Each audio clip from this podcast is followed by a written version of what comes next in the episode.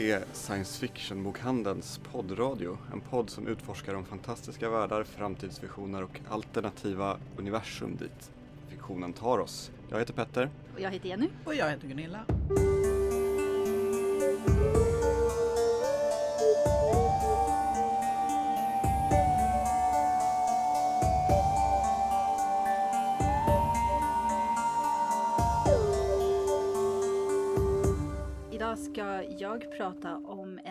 Som jag har läst som heter Light Brigades och ta upp lite nyheter. Ja, och jag ska prata om Star Wars. Det släpptes en ny trailer där som, för Episod 9 som kommer i höst. Och jag ska prata om förbjudna zoner apropå att bröderna Strugatskis picknick vid vägkanten snart kommer ut på svenska igen. Och vi kommer avsluta med en krönika av författaren Mats Claesson som har skrivit boken Pandemi. Men jag börjar med eh, lite nyheter, så att säga. eh, vi har ju Kulturnatten snart, den här helgen faktiskt. Den 27 april Mm. så har vi Drakarnas natt här på SF-bokhandeln. Eh, det finns en länk på vår hemsida, sfbok.se, där man kan få hela programmet. Men vi har ju jättemycket skoj. Vi får både operasång, harp och spel. Det är spännande en första gång. Och Inga Tvivel kommer och läser drakberättelser med sitt event Drakar och Drag Queens. Det kommer bli jätteroligt.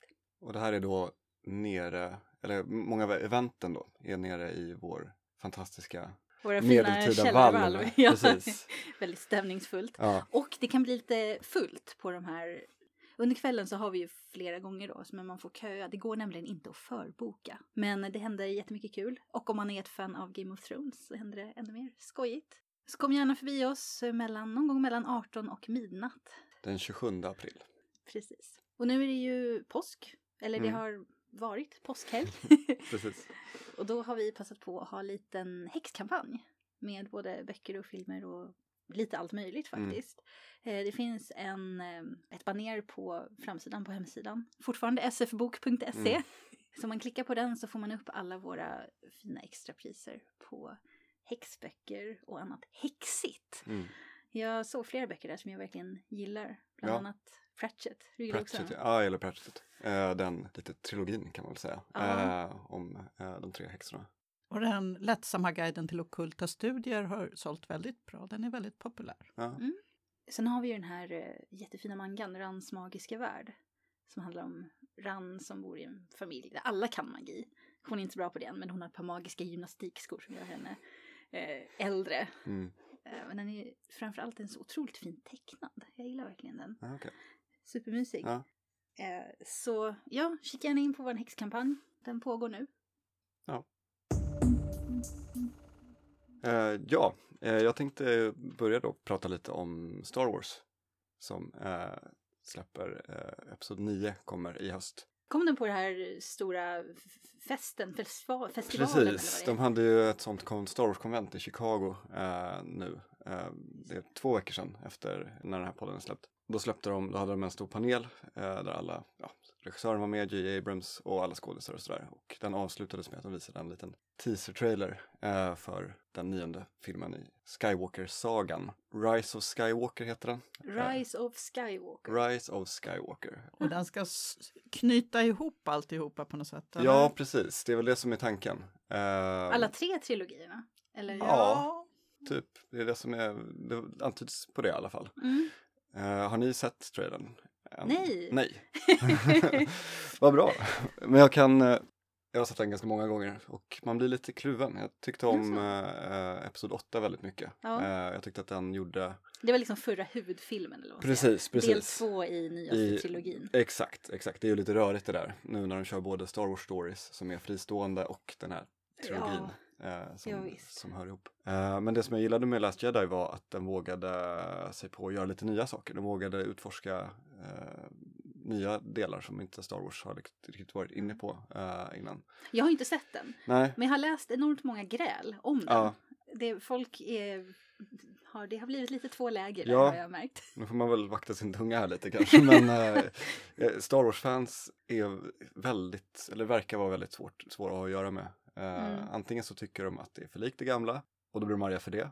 Eller så, vilket var fallet med Episod 7, Eller så är det för nytt och de känner sig obekväma och känner inte igen det och då blir de arga för det istället. Ja, Eh, ja, ja, och det var ju ja, det som var ja. problemet med, med Last Jedi för många. att ja, Det blev ju sånt kalabalik där, det var ju dödshot och hela... Jaha, verkligen? Ja, Mot vem? Alltså ja, de som ja. Regissören fram, framförallt, Ryan Johnson, Ryan eh, Johnson. åkte på en riktig ja, dänga. Ehm, Gud, det är så roligt, för jag lyssnar ofta på en podcast som heter You must remember this. mm. Den görs av eh, en kvinna som är tillsammans med Ryan Johnson. Är det så? Ja, Ja. hon nämnde det i ett avsnitt och jag var så här, nej men vad är det här för konstig koppling? Det här ska Ja, vi lite, ja. för det handlar om gamla Hollywood. Ja. Och Den, den är jättebra, hon gör inte den just nu. Men, Nej, okej, nej. eh, Parentes, den eh, rekommenderas för den är extremt intressant. Mm. Men eh, det var tydligen, alltså han har ju inte gjort så mycket. Nej, han har gjort några, dess, några jag har gillat allt han har gjort Ja. eh, hittills. Looper är väl kanske den mest kända eh, som han har gjort. Mm. Jag tyckte den var, jag, tyckte, jag såg ju Looper när den Mm, kom. Jag tyckte den var väl så här eh, 85% riktigt, riktigt bra film. Mm, mm, Och 15% var så här, men varför springer ett barn snabbare än en vuxen kvinna? mm, mm. Jag tänker på slutscenerna där. Det, det, det var lite för, ja. Ja. men det var lite så här, alla kvinnor är eh, fruar, horor och säger Mm. typ ingenting Nej, nästan. Nej, nej. Men det var ju en bra story. Ja, den är väldigt, jag tycker den är, den, är, den är väldigt bra och hanterar, den gör tidsresor på ett väldigt bra sätt, Mm. tycker jag. Just det här att den sätter upp tydliga regler för hur tidsresor fungerar just i den här filmen och sådär. Ehm, ja, så den är en rekommendation om man inte har sett den. Men, om vi återgår till episod 9. Ja, förlåt, våra parenteser. Eh, parenteserna är många och bra, jag gillar dem. Men episod 9, det verkar, de tog tillbaka J.J. Abrams, så det känns som att Disney har Mm. fått lite kalla fötter efter. Kontroversen. efter kontroversen med Ryan Johnson som försökte göra något nytt. Så de går tillbaka till J.J. Abrams som gjorde episod 7 som var väldigt traditionell och konventionell och väldigt så här, här får du allt som är Star Wars. Det är liksom rymdstrider och det är någon, en skurk med mask och det är, Ja, Jag var ju inte, jag gillar ju Star Wars-filmerna Mm, men mm. jag är inte liksom det här fanet på Nej. det sättet som man kan bli. Och jag såg, när jag såg The eh, Force Awakens, mm, som jag hela tiden är på vippen och kallar The First Avenger, men det är en helt annan. De får inte ha det är samma... Disney, allt uppe i Disney. ja, de tar över. Ja, det, det kan vi koppla sen till min eh, bokrekommendation där på slutet. yes, yes. Men den var ju extremt lik eh, Episod 4, Mm. New Hope. ja, Det, alltså alla berättelse, vad ska man säga, alla vändpunkter var väldigt lika. Ja. Tyckte jag. Mm. Eh, Även om jag tyckte väl inte att huvudpersonen var så extremt lik Luke Skywalker. nej, nej. Som till personligheten. Men eh, miljöerna och lite hur historien artade sig var ju Mm, väldigt mm. lik Episod 4. Ja, precis. Och det var inte en dålig film, men det är som du säger, eh, det var extremt konventionellt. Mm. Och det är så här, jag förstår att Disney tycker att det känns pålitligt, men ja, det, det är inte så fantasieggande direkt, Nej. kan jag väl tycka. Det är väl inte det. Eh, jag, jag tycker, jag, jag gillar Episod 7 jättemycket. Jag Mm. tycker att den är, ja, men, framförallt i jämförelse med liksom, prequel-trilogin som kom, eh, så är den fantastisk. Eh, Jag kommer inte ihåg den knappt alls. Nej, det bra. Var glad för det. Alltså, ja. ja, nej men just när man har möjligheten att göra något nytt med Star Wars tycker jag att man ska ta den. Och, sådär. och ja, Episod 9, det verkar som J. Abrams är tillbaka och det är lite det här gå tillbaka till mm, till det som är välkänt. mm. Eh, det är lite, en av de stora grejerna i Episod, jag vet inte, hade du sett Last Jedi? Du hade inte sett Last Jedi? Nej, men jag är inte spoilerkänslig, så du Nej. kan prata för min del. Om inte du tycker att det är jobbigt. Ja, nej, nej, jag, jag har sett alla Star Mm. Wars-filmerna. Mm, Ja. bra. Du Eh, kanske inte alls håller med om vad vi säger här. Ja, jag är ju så här väldigt old school-fan. Jag, var- mm, jag var helt betagen av den första filmen när jag såg den 1978. Mm, Så på något Samma sätt... år som jag föddes. Ja, så på något sätt den här Abrams första som är, ja som ni säger, lite karbonkopia mm, på den mm. kändes märklig för mig, som en skugga, ett spöke ur det förflutna, Ja, men lite förvridet, moderniserat, som om min barndoms favoritfilm hade fått cyberlemmar och muterat till något märkligt. Jag vet inte riktigt hur jag ställer mig till det. Nej, Jag tycker varken bu eller bä, till skillnad från de flesta andra Star Wars-fans tror jag. Jag är Mm. mest lite förundrad över, oj, blev det så här? Det var lite så jag kände också, lite så här neutralt, jaha. Var det så det blev? Mm. Men många av miljöerna var ju väldigt välgjorda. Mm. Men så är det ju alla nya storfilmer. Ja. Allting ser ju väldigt bra Ja, ut. välpolerat. Ja.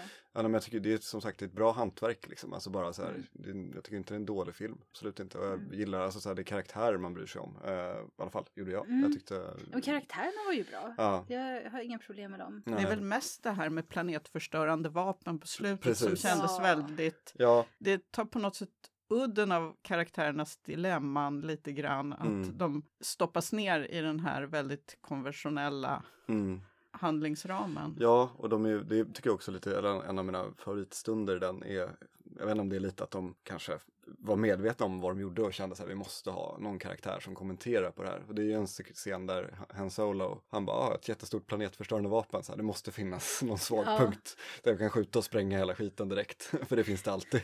Och de hänger Eh. en, en lampskärm på det som man Ja. säger. Precis, precis, lite sådär. Men det var ändå, ja, och just ja. den, ge den stunden till Han, det känns som att det var liksom, om någon eh, så var det han eh, Ja, som skulle kunna ta den. Det funkar ju. Men ja, det är lite så retcon, eh, bara så här, vi vet vad vi gör typ. Ja, det blev mycket meta. Ja, Ja, ja. verkligen, verkligen. Jag tror kanske därför som jag gillade, jag har ju, jag har bara sett två av filmerna. Jag har Mm. sett eh, The Force Awakens och eh, Rogue One. Mm. Och den Mm. tyckte jag jätte- jättemycket om. Mm. Den, men den kändes ju ganska annorlunda från typ alla andra Star Ja. Wars-filmer. Mm. Men väldigt lik kanonerna på Navarone. ja, faktiskt. En annan av mina Ja. favoriter från barndomen från 70-talet. Oj, kanonerna på Navarone med Ja. cyberlemmar. Muterad. Så det blir. ja. ja, men det är ändå liksom ett steg ifrån. Ja. eh, på Ja, vis. ja. Det, är inte, det är inte samma, det är inte, det är inte liksom en äldre Star Wars-film som Nej. har. Nej, nej, nej, precis. Och det där är väl lite det här. Eh, det finns ju ett South Park-avsnitt som heter Simpsons did it. eh, där de försöker komma på saker eller göra någonting. Och då är det allt, allt de kommer på så är det alltid så här Simpsons did it. så allting, allt har gjorts Ja. otaliga gånger innan liksom. En Ja. kopia av en kopia. Men det, men det finns ju liksom eh, sätt att göra olika typer av handlingar på Mm. som ändå känns, eh, om inte nya, men som ändå någorlunda, Mm. liksom inte kopior, inte rena Nej. kopior av Nej. gammalt. Jag tror att ibland så handlar det mest om att hur nära man hamnar den här gränsen när man verkligen ser att okej, men nu är det här typ samma historia Ja. och inte bara en version av den här historien. Ja, och för mig ser det som sagt lite grann ut som de har plockat en del filmer från sent 60 och 70-tal. Att det blir en omformulering av en viss period i filmhistorien så att säga. Och det ger ju ändå en ny dimension åt det hela, tycker Ja, jag, ja. i någon mening. Ja, precis. Faktiskt. Jag tänker att det, det, det är ändå, jag vet inte riktigt, alltså så här, det, det jag kan känna bara med mycket av fi- film idag, bara allmänt, är att det, det, det, är, så, det är så mycket Mm. på något sätt. Jag har ju Det- nästan, jag tittar inte så mycket på film. Nej. Framförallt inte nu längre. För ja, det, det finns väldigt mycket och det finns väldigt mycket bra men till slut så börjar allting lite flytta ihop med Mm, varandra. mm. Jag tänkte på det när du pratade om JJ Abrams. Han gjorde ju Star Trek också Ja. innan det här. Ja, Eh, och det var ju lite samma sak där att de första, den, framförallt den första Star Trek-filmen mm, var ju en extremt konventionell eh, berättelse om hur en grupp personer som ska bilda ett sammansvetsat gäng träffar varandra, får sitt rymdskepp och ger sig ut på sitt första äventyr. Liksom. Det är, många klagar ju på att det inte kändes som Star Trek. mm, Det beror lite på vad man menar med Star Trek. ja, men, men framförallt så känns det lite som att eh, det var en så här, lite standard origin-film som Mm. han bara gjorde med de här Mm. karaktärerna Ja. mm, och inte... det- fanns ju mycket i den filmen som jag också tyckte var lite ogenomtänkt. Om Ja. man säger så, med tanke på både historien och karaktärerna. mm, Men framförallt så kändes det som att men jag ska göra en blockbuster som ska tjäna in så här mycket pengar och då behövs de här ingredienserna för att liksom så många människor som möjligt ska gå och se mm, den mm, och kunna ta till sig den även Mm. fast de inte är Star Trek-fans. Eh, Men jag tror inte att man behöver vara så allmän. Nej, och jag tror också att man behöver dels ta tillvara på vad som har kommit innan. Star Trek har ju massor av serier att falla tillbaka på. Mm. Och jag tycker de här nya filmerna blev ändå bättre när de fick lite att falla tillbaka på dem också. Den här senaste som gjordes av Fast and Furious-regissören, just det, vad är det han Ja. heter? där de flyger genom någon, eh, jag minns inte, det är en nebulosa de flyger in i tror jag. Och ja, de Ja, hamnar på något en, slags asteroidmoln. ja, av något slag. Ja. och så är det det. lite äventyr på Ja. en planet där folk Ja. har blivit skeppsbrutna och jada, Ja. jada. Eh, den tycker jag hade rätt så skoj, bra Star Trek-känsla och var skojig och Mm. bra fart. Mm. Och inte, tog inte sig själv på så stort allvar. Mm. Och där hittade de ändå någonting som man kunde koppla, jag i alla fall kunde koppla till Star Trek och tycka, Ja. ja, men det här Mm. kan vara Star Trek. Mm. Och jag, jag tyckte även andra filmen var väldigt. Många var ju med, väldigt missnöjda över hur Khan gjordes. Ja. Enligt det- min åsikt så var ju inte ens det Khan. För det var ju en helt...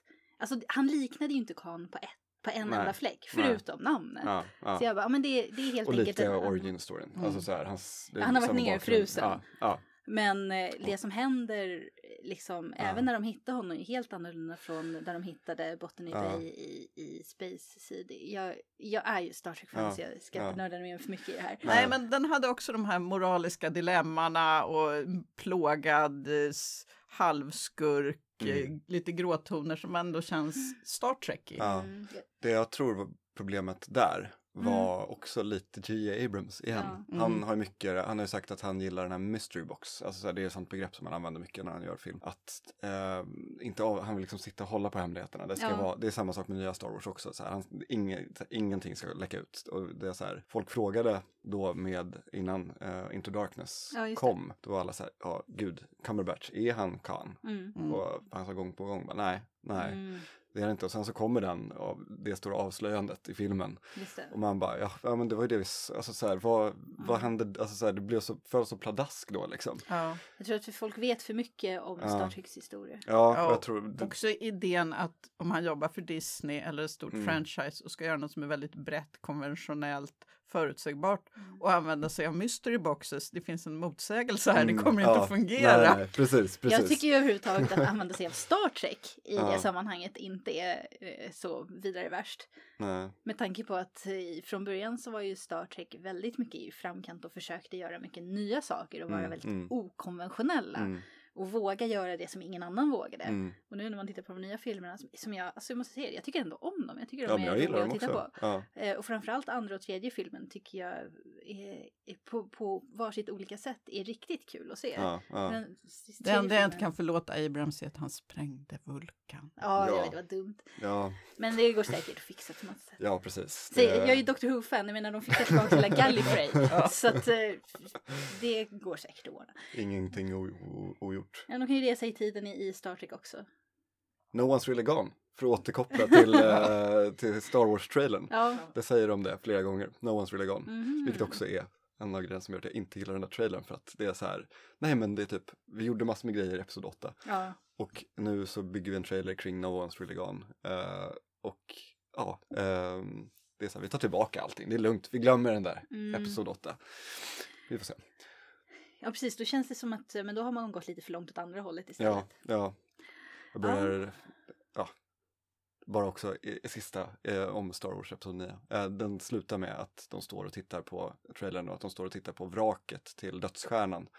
Och så är det cut to black och så hör man kejsarens skratt. Och då är det så här, hur ska ni, hur ska ni få det här att fungera? Men vänta, kejsare Palpatine? Ja, No one's really gone. no one's really gone, exakt. Jag kan plugga en väldigt roligt, vet ni vilka Red Letter Media är? Eh, Eh, ja, fast jag har inte... De blev väl stora på, eh, de fick, slog igenom med, de gjorde recensioner av prequel-trilogin. Varje recension är ungefär en och en halv timme lång och de går igenom Ja, väldigt så här, vad är det det. som inte fungerar med, Ja. med, med prequel. Eh, de gjorde ett väldigt roligt litet montage eh, när det var No One's Really Gone och klippte in till, till i stort sett varenda Star Wars-karaktär som har dött. här är så här, den här random rebellsoldaten från eh, fregatten i början på episod, episod 4. Så ser du han dör och så är det bara cut to black och så No One's Really Gone. Den finns att kolla på. Väldigt kul. Men vi är ändå hoppfulla. Vi är hoppfulla. Ja, man Jag- ska, inte, man ska inte säga något förrän man Nej, har sett nej, filmen. nej, nej, exakt. Man är, vi är försiktigt hoppfulla. Ja. Med fötterna på jorden. Ja, det låter bra. Ja, And some people are gone. ja. exakt. Hopp, förhoppningsvis. Eh, och nästa ämne är då förbjudna zoner.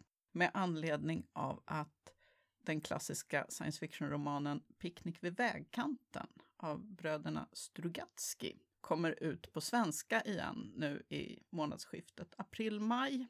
Jag vet om det är en ny översättning. Det är en nyöversättning av förläggaren på Ersatz förlag, Ola Wallin. Och den innehåller dessutom delar som hade klippts ut inför den förra svenska utgåvan som kom i slutet på 70-talet. Jaså? Ja, därför att romanen publicerades, jag tror i alla fall att jag får det rätt om jag säger att den först publicerades som en sorts eh, följetong i en lite mer litterär sovjetisk eh, tidskrift i början på 70-talet. Och sen när den skulle ges ut som roman, då klev censuren in och tyckte att eh, ja, det fanns partier som de inte gillade av olika anledningar. Så, och de partierna var borta ur den första svenska översättningen. De är tillbaka nu. Ja, men det är Och bra. Det är en helt ny översättning. Så ja, Ja. det blir förhoppningsvis en ny och rolig upplevelse. Jag har tittat lite på Olas översättning och det ser bra ut. Och Ja. det är en väldigt stilbildande science fiction-roman. Utan Mm. den hade svenska rollspelet MUTANT, Jeff Vandermeers Annihilation, Simon Stålenhags robotar på Mälaröarna. Mm, mm. En massa saker hade inte funnits utan bröderna Strugatskis Picknick vid vägkanten. Kanske borde ta och förboka den då. Ja, Jag har ju faktiskt inte läst den. inte jag heller. Varken på svenska eller på Nej, engelska. nej, och jag har heller inte sett filmen. Uh, Tarkovskij Stalker. Stalker, Ja, det är ju ett måste. Mm. Om man överhuvudtaget ska se någon SF-film så Star Wars och Stalker och Alla filmer som börjar på 2001, S. de tre kan man Ja, ja, pricka in och sen så kan man jobba sig utåt Ja. mot kanterna därifrån. Liksom. ja, Bra strategi. ja. Ja, och det är en berättelse med rätt så många nivåer. Mm, Mm. Jag har hört mycket om den här filmen mm, faktiskt. mm. Ja, den, den plockar ju lite upp det religiösa temat som finns i någon mening i boken också Ja. får man väl säga. Det handlar om, bitvis i alla fall, om personligt ansvar, om svek, om vad gör man av själviska orsaker, vad gör man av sociala orsaker, hur långt är man beredd att gå för att rädda det sina eller Mm. berika sig själv. Men det finns också en nivå av, vad ska man säga, civilisationskritik. Eller bröderna Strugatsky var ju liksom inga riktiga dissidenter, så det finns ju en marxistisk dialektisk grundton. Den här boken utspelar sig i Kanada. Premissen är ju då att aliens har besökt jorden en liten stund, Mm. en mycket kort stund Mm. och lämnat efter sig sex märkliga zoner där mycket märkliga föremål, eh, skeenden, effekter finns kvar. Och en av dessa zoner finns i Kanada, i närheten av en liten håla som växer upp då till ett sorts forskningscenter och bas för utforskandet av den här zonen. Och vi får följa en en av personerna från den här lilla hålan som deltar i en grupp som tar sig in i zonen och plockar ut saker och sen säljer dem på svarta marknaden.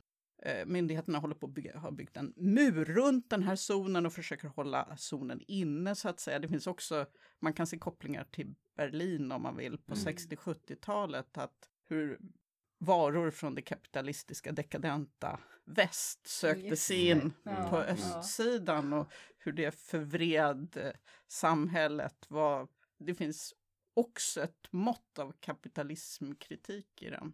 Den har många nivåer och Mm. är väl värd att läsa. Ja.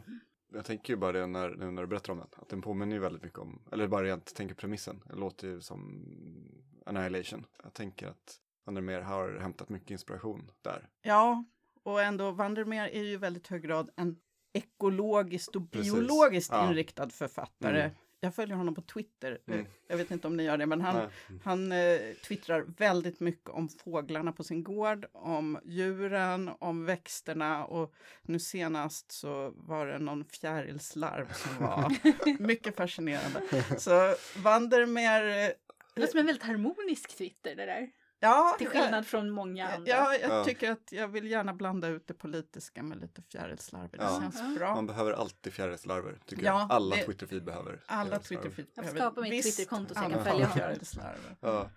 Så han har ju tagit samma idé, men bröderna Strugatsky befinner sig i en nästan helt mänsklig och bitvis religiös politisk miljö. Mm. En, en väldigt kulturell och humanistisk miljö, i någon mening och marxistisk, dialektisk, mm. medan Vandermeer öppnar utåt mot gränsen mellan människa och djur, människa, natur. Precis, och det jag tyckte var väldigt bra med Annihilation var liksom sättet den var skriven på, att det är ett jag-perspektiv eller första person från jag glömt bort vad hon heter, men hon, eh, vad är hon, är hon biolog? Hon ja, hon är väl biolog. De är ju fyra Precis. kvinnor som bryter sig in i zonen. Ja. Eller, ja, skickas in i zonen. Skickas in i zonen. Men att det blev, allt som hon ser där inne är utifrån hennes perspektiv. Ja. Det blir väldigt så direkt, för hon vet inte riktigt vad det är hon ser. Nej. Eh, och det tyckte jag blev väldigt spännande och gav en väldigt så här, unik känsla i boken.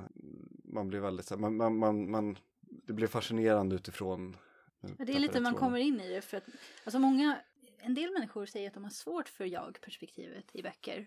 Svårt att komma in i det för att, uh, att vara jaget liksom i boken. Om man verkligen kommer in i en bok så är det liksom jag blir ju den, blir mycket mer att man själv läser som att man, man själv blir huvudpersonen så att säga. Uh, och det kan vara svårt tror jag om huvudpersonen har en distinkt personlighet som är för olik en själv eller för olik det man kan sympatisera med.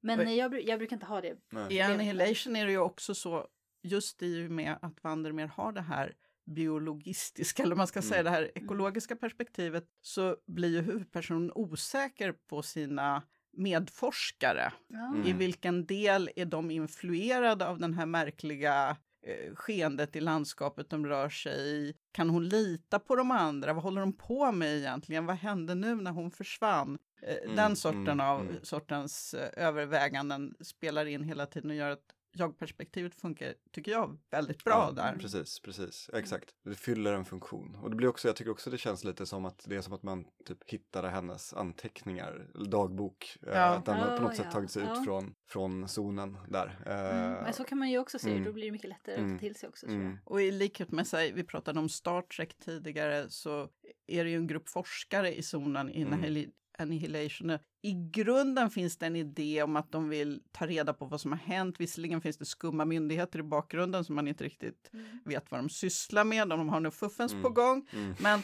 de här forskarna, de har ändå en vetenskaplig grundsyn, de vill förstå, det, det är deras grundidé. Om man jämför med Picknick vid vägkanten skriven i en annan tidsålder och i Sovjet på 70-talet, där är ju huvudpersonerna en sorts plundrare som bitvis har drag av gangstrar som vänder sig mot varandra. Det, det, är en helt annan typ av gruppdynamik. Det är mm. mer reservoir dogs i zonen ja. så att säga. Men hur, hur direkt inspirerade var du och Micke när ni skrev MUTANT? Jo, men vi var ju väldigt, när vi överhuvudtaget skapade de här zonerna mm. så var vi väldigt influerade av Picknick vid vägkanten. Vi kan säga det, det är Gunilla Jonsson och Mikael Petersen som skrev första MUTANT. Ja. Och nu är det Fria Ligan. Som ger ut en ny version. Precis. Och de ger ju dessutom ut spel baserade på Simon Stålenhags böcker och bilder som jag skulle säga också är influerade av det här 70-talets tänkande kring Precis. Och kanske också senare av eh, zonerna i Tjernobyl och mm. nu senast Fukushima ger ju också de här idéerna om hur mm. naturen tar tillbaka, människorna drivs ut, saker förändras. Mm, mm. Men eh, ni hade inspirerats ganska mycket utav just den här boken när ni, ja men Ja, den både den här boken och av Tarkovskis film som är visuellt fantastisk. Har mm. ingen av er sett Stalker? Jag vet, det är så pinsamt. Jag vet att vi pratade om det förra veckan att jag bara, jag ska se den till, ja. tills idag och så blev det inte av. Blu-ray var slut kan jag säga äh, i butiken. Så jag, jag, den bör ses med schysst bildkvalitet. Ja, jag sitter och väntar på, eh, vi har ju Criterion-utgåvan eh, mm. av filmen och den är slut för tillfället och jag tänker att jag ska vänta in tills vi får in den igen och då ska Ja, jag ska den. också lägga en bokning på den ja. tror jag faktiskt. jag har hört om den i andra sammanhang också mm, så jag har mm. tittat på den och tänkt att det där ska bli intressant, den måste jag titta på. Ja. Jag har läst början på den nya utgåvan av Picknick vid vägkanten. Annars har jag inte läst den här boken sedan 1980 eller något sånt där. Nej, nej. Den är lite dimmig ja, i mitt medvetande. Men den är faktiskt ganska spännande och har så vitt jag minns, med brasklapp då att det var länge sedan jag läste den, flera spännande vändningar där man tror att man vet vilka huvudpersonerna är och så tar det en helt ny vändning och så tar det en helt ny vändning igen. Så om man har sett Tarkovskis film och tänker det här kommer vara människor som går i fantastiska miljöer långsamt utan handling så är boken mycket mer dynamisk och ja, gangstrig. Och när, eh, när kommer den? Ola sa att den skulle komma från tryckeriet 26 april, så vi hoppas att vi har den i början av maj. Då. Ja, så, Men den går redan att förboka, eller hur? På hemsidan, ja. ja. Som fortfarande är sfbok.se. sfbok.se. Ja, vi har en lätt hemsidsadress. Ja. Jag tänkte också prata om en bok faktiskt, som jag precis har läst, som heter eh, The Light Brigade. Och jag plockade upp den direkt när den kom för att eh, det är Cameron Hurley som har skrivit den. Och jag älskade hennes förra bok som heter eh, The Stars Are Legion. Aha, är det samma? Det är samma författare. Ja, Jag tycker hon är alldeles fantastisk Mm. science fiction-författare. Hon är, hon gör verkligen något nytt, säger jag, när vi precis har pratat om att det inte finns någonting som är nytt. nej, nej. Eh, naturligtvis har hon också inspirerats av en massa typer av olika historier. Men eh, det ofta handlar om hur man kombinerar allting Mm. i, i slut, slutresultatet. Så hennes böcker, hennes historier, de blir väldigt mörka. Hon skyggar inte för att berätta vidriga detaljer. Eh, så att om man tycker väldigt illa om så här typ blod och inälvor och tortyr och Jag tycker illa om tortyr kan jag säga. Det, om man inte står ut med att läsa det så, Ja, så kan ja, man ha lite svårt med hennes böcker. Eh, Men samtidigt så skriver hon karaktärer vars, eh, vars beslut, vars val faktiskt spelar roll. Och det som jag tyckte är så bra med The Light Brigade, så att huvudpersonen där är en person som kommer ur väldigt så här, fattiga, hon, hon är liksom en icke-medborgare. Hon har inte medborgarskap och det är jättesvårt att uppnå i den här världen där de lever. Det är en så här framtidsvision, nära framtid, storföretagen styr världen. Eh, allting är liksom profithunger och styrt av de här multinationella företagen som kontrollerar folks liv in i minsta detalj samtidigt som de säger åt dem att det här är den riktiga friheten. Kommunisterna på Mars måste vi krossa. Mm. Den röda planeten. Ja. Jag menar, det, det är berättelser vi har sett förut, Ja. men det är så välgjort. Mm. Och, men huvudpersonen är inte speciellt speciell. Eh, inte överdrivet intelligent, utan en helt normal person som vill försöka ta sig ur det här. Har förlorat sin familj genom de här fruktansvärda orättvisorna, levt i slummen och blir en av de här soldaterna som måste gå igenom den här fruktansvärda träningen. Mm. Och den värsta biten är ju då den virtuella tortyrmodulen som de måste gå igenom. Som hon inte faktiskt beskriver särskilt mycket. Nej, Så jag ska inte överdriva det heller. nej. Jag kan också vara lite kräsmagad ibland, men det var inga problem för mig att läsa den här boken. Och eh, efter det här så har ju hon blivit då en helt lojalt hjärntvättad soldat åt det här företaget då, en av de sex stora som äger området där hon bor. Hela jorden är indelad då i sex zoner. för att återgå till zoner. Eh, som kontrolleras av stora företag. Nat- nationalstaterna är i stort sett utrotade vid det här laget. Eh, men hon drömmer ju fortfarande om, hon vill ju se sig själv som en hjälte. Hon blir liksom den här hjälten som räddar jorden ifrån de onda marsianerna.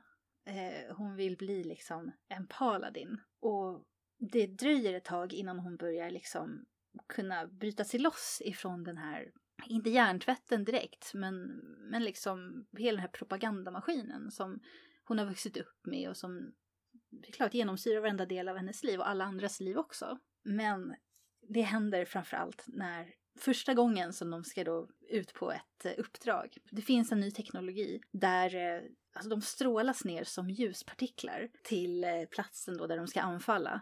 Och eh, första gången det händer så kommer hon tillbaka och har inget minne utav det uppdraget som de har varit på. Hon har minnen från ett helt annat uppdrag. Mm. Mhm. Och hon kommer inte tillbaks med samma personer som hon lämnade skeppet med. Nej. Och så börjar hon upptäcka genom att hon har, får helt andra minnen så börjar hon kunna inse mer och mer vad som, inte bara vad som händer utan vad som kanske kommer att hända. Och ja, jag ska Så inte den är berätta mycket spännande med andra ord. Den, Ja. är väl, den är extremt spännande och det är uppenbart att Cameron Hurley, hon är amerikan då, Mm. och det är uppenbart att hon, det handlar ganska mycket om den dagens politiska situation i USA, det gör Mm. det. Med hur folk tänker och var världen ser ut att vara på väg någonstans. Eh, Med vilken propaganda de använder. Den här retoriken Mm. som myndigheterna i boken använder känns ju igen ifrån de ledande den ledande politikern i USA. Vi nämner inga namn. Ja, det, det är ju fruktansvärt. Men det, det är lite så här, Mm. om den här, om folk tänk, fortsätter tänka på det här sättet så säger hon ungefär att det här är den framtid som vi Mm. kan komma att förvänta oss. Mm. Och för min del så känns det känns ju lite Shadowrun, men samtidigt så är ju Shadowrun så himla lättsamt jämfört med det här. Mm. Mm. För det är ju ändå liksom att nu ska vi skapa en cool värld där vi kan ha coola äventyr. Men i The Light Brigade så är det, det finns ett mycket större mått av realism i det. Inga alver och dvärgar och orker och så vidare.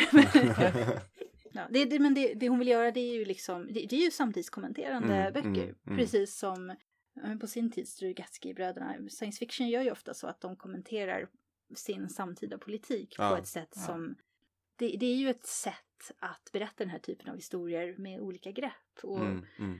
det, det blir ju en extremt spännande historia utav det. Ja. Och som sagt, jag är ett stort fan av sättet som Cameron Hurley skriver. Jag kan verkligen rekommendera båda de här böckerna. Mm.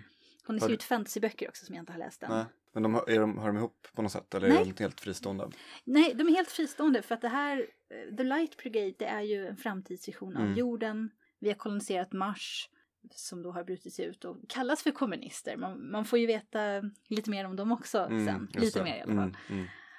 Mm. Eh, och eh, The Stars Are Legion handlar ju om eh, någonstans i en annan galax så svävar omkring ett gäng generationsskepp som är stora som små planetoider kan man säga. Delvis organiska. Och de här ligger i krig med varandra om de resurser som finns kvar. De cirklar runt en mindre sol tror jag. Jag Ja, och besättningen är så att säga en del av skeppens eh, hela ekologiska Mm. system. När en ny reservdel behövs så blir någon gravid och föder reservdelen. Det finns bara kvinnor Ja, just det. överhuvudtaget. Ja, jag förstår. Ja, det finns bara kvinnor. Det finns bara kvinnor i Det, den. det, är inte ens, det, är ingen, det finns ingen historia om att männen har försvunnit eller blivit utrotade. Ingen som undrar var de är någonstans. Nej. Det finns bara inga. Det finns inga män där. Nej. Nej. Det är en väldigt biologiskt köttig bok kan man väl Ja. säga. Fascinerande i... i Är skeppen biologiska också? ja. Ja. Alltså, ja, så inte det är helt verkligen- och hållet, utan eh, de Nej. har någon slags mekanisk eh, struktur. Mm. Så det är inga Men- stora medvetna eller Nej. liksom så sentient, eh, eller vad heter det på svenska? Vad heter Ja, svenskt? medvetna heter Ja, det nog. mm. ja. Nej, inte, inte annat än på en ren instinktuell nivå, tror jag. Nej, den, det, det handlar ju så att säga inte om AI utan Nej. det handlar om människorna på de här skeppen som Ja. intrigerar, som är i någon sorts Mm. resurscrunch-situation Mm. där de Mm. ställs mot varandra och dessutom kan manipulera varandra, Mm. manipulera minnen, manipulera Ja, ja. allt Mm. möjligt. Ja. The Light Brigade är inte fullt så köttig. Jag gillade kött i Ja. Ja, men man ser ju fortfarande eh, samma typ av, av tendenser. Det är så här, kroppsfunktionerna finns och hon beskriver dem. Ja. Och de har, eh, de har utvecklats någon slags eh, biologiska dräkter som de här, de här elitsoldaterna använder då för att suga upp allting som kroppen utsöndrar när de är ute på, på uppdrag och verkligen bara, det, det är nästan som de förvandlats till eh, mekaniska soldater. Bara det Mm. att det är billigare att göra det här av människor än att tillverka robotar. Mm. Mm. Så företagen liksom kör på typ hjärntvättar folk tills de blir de perfekta soldaterna och så behandlar vi dem som robotar ungefär Mm. utan egen vilja. Och det är ju, det är ju totalt övervakningssamhälle också. De, eller varje soldat har en speciell lins som, alltså de är avlyssnade och, och övervakade precis hela tiden, varenda minut på dagen.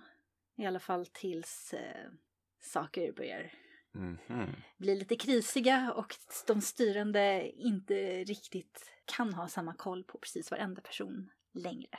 Mm. Ja, jag, jag rekommenderar den, Ja. framförallt om man gillar, det man måste tänka när man läser på den här, man läser den här boken, det är att eh, man måste koncentrera sig lite på berättelsen så man inte tappar bort sig. För det är ganska så invecklat, i och med att hennes minnen inte alltid klaffar med det som händer. Det låter svinspännande. Jag tänker det är också, ja, men, som vi pratade om, att den har ju väldigt många klassiska ingredienser men Mm. det är ju utförandet, hur, hur Mm. man väljer att hantera det. Precis. Det är det som är den stora utmaningen, alltså bara Mm. lyckas göra något unikt. Och personerna det handlar om. Det, Ja. För det, man fäster sig ju vid huvudpersonen väldigt Mm. mycket. Hur, eh, hur funkar det med den här ljustransporten? Det känns lite Ja. risky, tycker jag bara rent eh, spontant. Ja, det är ju det. Prickar de från jorden eller liksom åker de Nej, bara de skickas detaljer? iväg Men- på, ja, precis. Ja, de skickas iväg på eh, skepp liksom. Mm. så. De, de är ju, Nej, så här, så här går det till. De strålas ju iväg dit de ska, Ja. absolut. Eh, Mars eller någonstans på jorden. Mm, Eh, det är bara det att, men absolut, alltså det går ju fel hela tiden. mm, Plötsligt så, alltså folk strålas ner, det, mentalt så blir folk ibland lite tokiga. Men det som händer lite mer ofta det är ju att folk får liv, kommer fysiskt fram i lite så här fel, fel ordning. Mm. Eh, Ett huvud som sticker ut genom bröstkorgen eller så här äh, ryggraden bak och fram. Ja, ben, ja. Att folk dör ju på de mest fruktansvärda sätt. jag tänker Fatal lite... transporter errors Ja. hela tiden. Ja, jag tänker lite så Galaxy Quest. När Ja. djuret transporteras ut och in. Ja. Ja, ja, det- det funkar ju bara för att de har hjärntvättat de här soldaterna Mm, så pass mm. mycket så att de, de gör det här ändå. Mm, mm, Varenda gång går in i den här transporten som kan ta död på dem Mm. om någonting går det minsta lilla fel. Och det, det. är, det är en plågsam transport också. ja. Eh, Det är otroligt, liksom det är otroligt smärtsamt att bli transporterad på det här sättet. Och det går, det går ganska fort men inte liksom, det är inte ögonblickligen heller. Nej, nej. Så ja, det- är mycket, mycket plågor i den här boken. Men bra ändå. Den är jättebra. Jag Ja. tycker den har, den har den här balansen som gör liksom, det är inte ett frosseri i Nej. liksom mörker och, och hemskheter. Nej. Utan det är liksom, men den här världen är hemsk. Men de här personerna har val att göra som eh, skänker ett visst mått av, av hopp. Men också, det är, det är inte det här som man ofta ser från amerikanska författare, så här, den ensamma hjälten. Nej. Utan det är så här, ja men enskilda personer kan sätta igång en förändring. Men det är kollektivet som måste ändra på hela strukturen. Annars Mm. kommer det inte hända någonting. Nej. Och det tycker jag också var väldigt positivt. Och vi avslutar med en krönika av Mats Claesson. Varför är svenskar rädda för rymdraketer? Det svenska rymdskeppens litteraturhistoria är pinsamt kort. Aniara förstås. Väldig, mäktig och tragisk. Spjutet som ilar genom rymden. Men sen är det mest vakuum. Peter Nilssons Arken färdas mot tidens ände. Lars Gustafsson var inte främmande för att ha med en och annan raketnoveller. Och visst finns det moderna raketer i den svenska litteraturen idag. Men de är oftast uppskjutna på små förlag och försvinner snart i djuprymden utan att lämna några spår efter sig. Annat än på bokrean året därpå. I rymdskeppens allmänna litteraturhistoria däremot, där är det annorlunda. Det började år 1865 då Jules Verne skickade iväg en projektil med tre man ombord från jorden till månen. Sedan dess har mycket hänt. Raketer från jorden har lämnat solsystemet bakom sig och fortsatt, likt mäktiga fallossymboler, ut i galaxen för att snabbare än ljuset penetrera världsrymden. Inte var det särskilt svårt heller. Krök rymden, skapat maskhål, använd warp-driven eller hyperdriven, det som passar äventyret bäst. Sedan kom månggenerationsrymdskeppen. Och månggenerationsrymdskeppen, de är mer seriösa till sin natur. De beaktar Einsteins särskilda relativitetsteori, att intet materiellt kan färdas snabbare än ljuset. Inte ens fantasins rymdfarkoster. Skeppen är väldiga slutna ekosystem som tar tid på sig för att nå målet. Hundra år, tusen år, ännu längre. Mer lika en kosmisk livmoder än en fallos som i sitt sköte bär på befruktade ägg, passagerarna, människorna, med uppgift att föröka sig på jungfruliga planeter någonstans i universum. Postmoderna rymdskepp, de är 3.0 uppgraderade. Artificiella intelligenser med egen vilja och existentiella kriser på metafysisk nivå. De färdas i årtusenden mellan stjärnorna och bara någon enstaka gång har de oturen att råka ut för människor eller andra biologiska varelser. Men varför är det så att rymdskepp är sällsynta i den svenska litteraturen? Alla håller med om att rymdskepp till sin uppenbarelse är stilrena, sköna att skåda och vackrast av alla ting som människan skapat.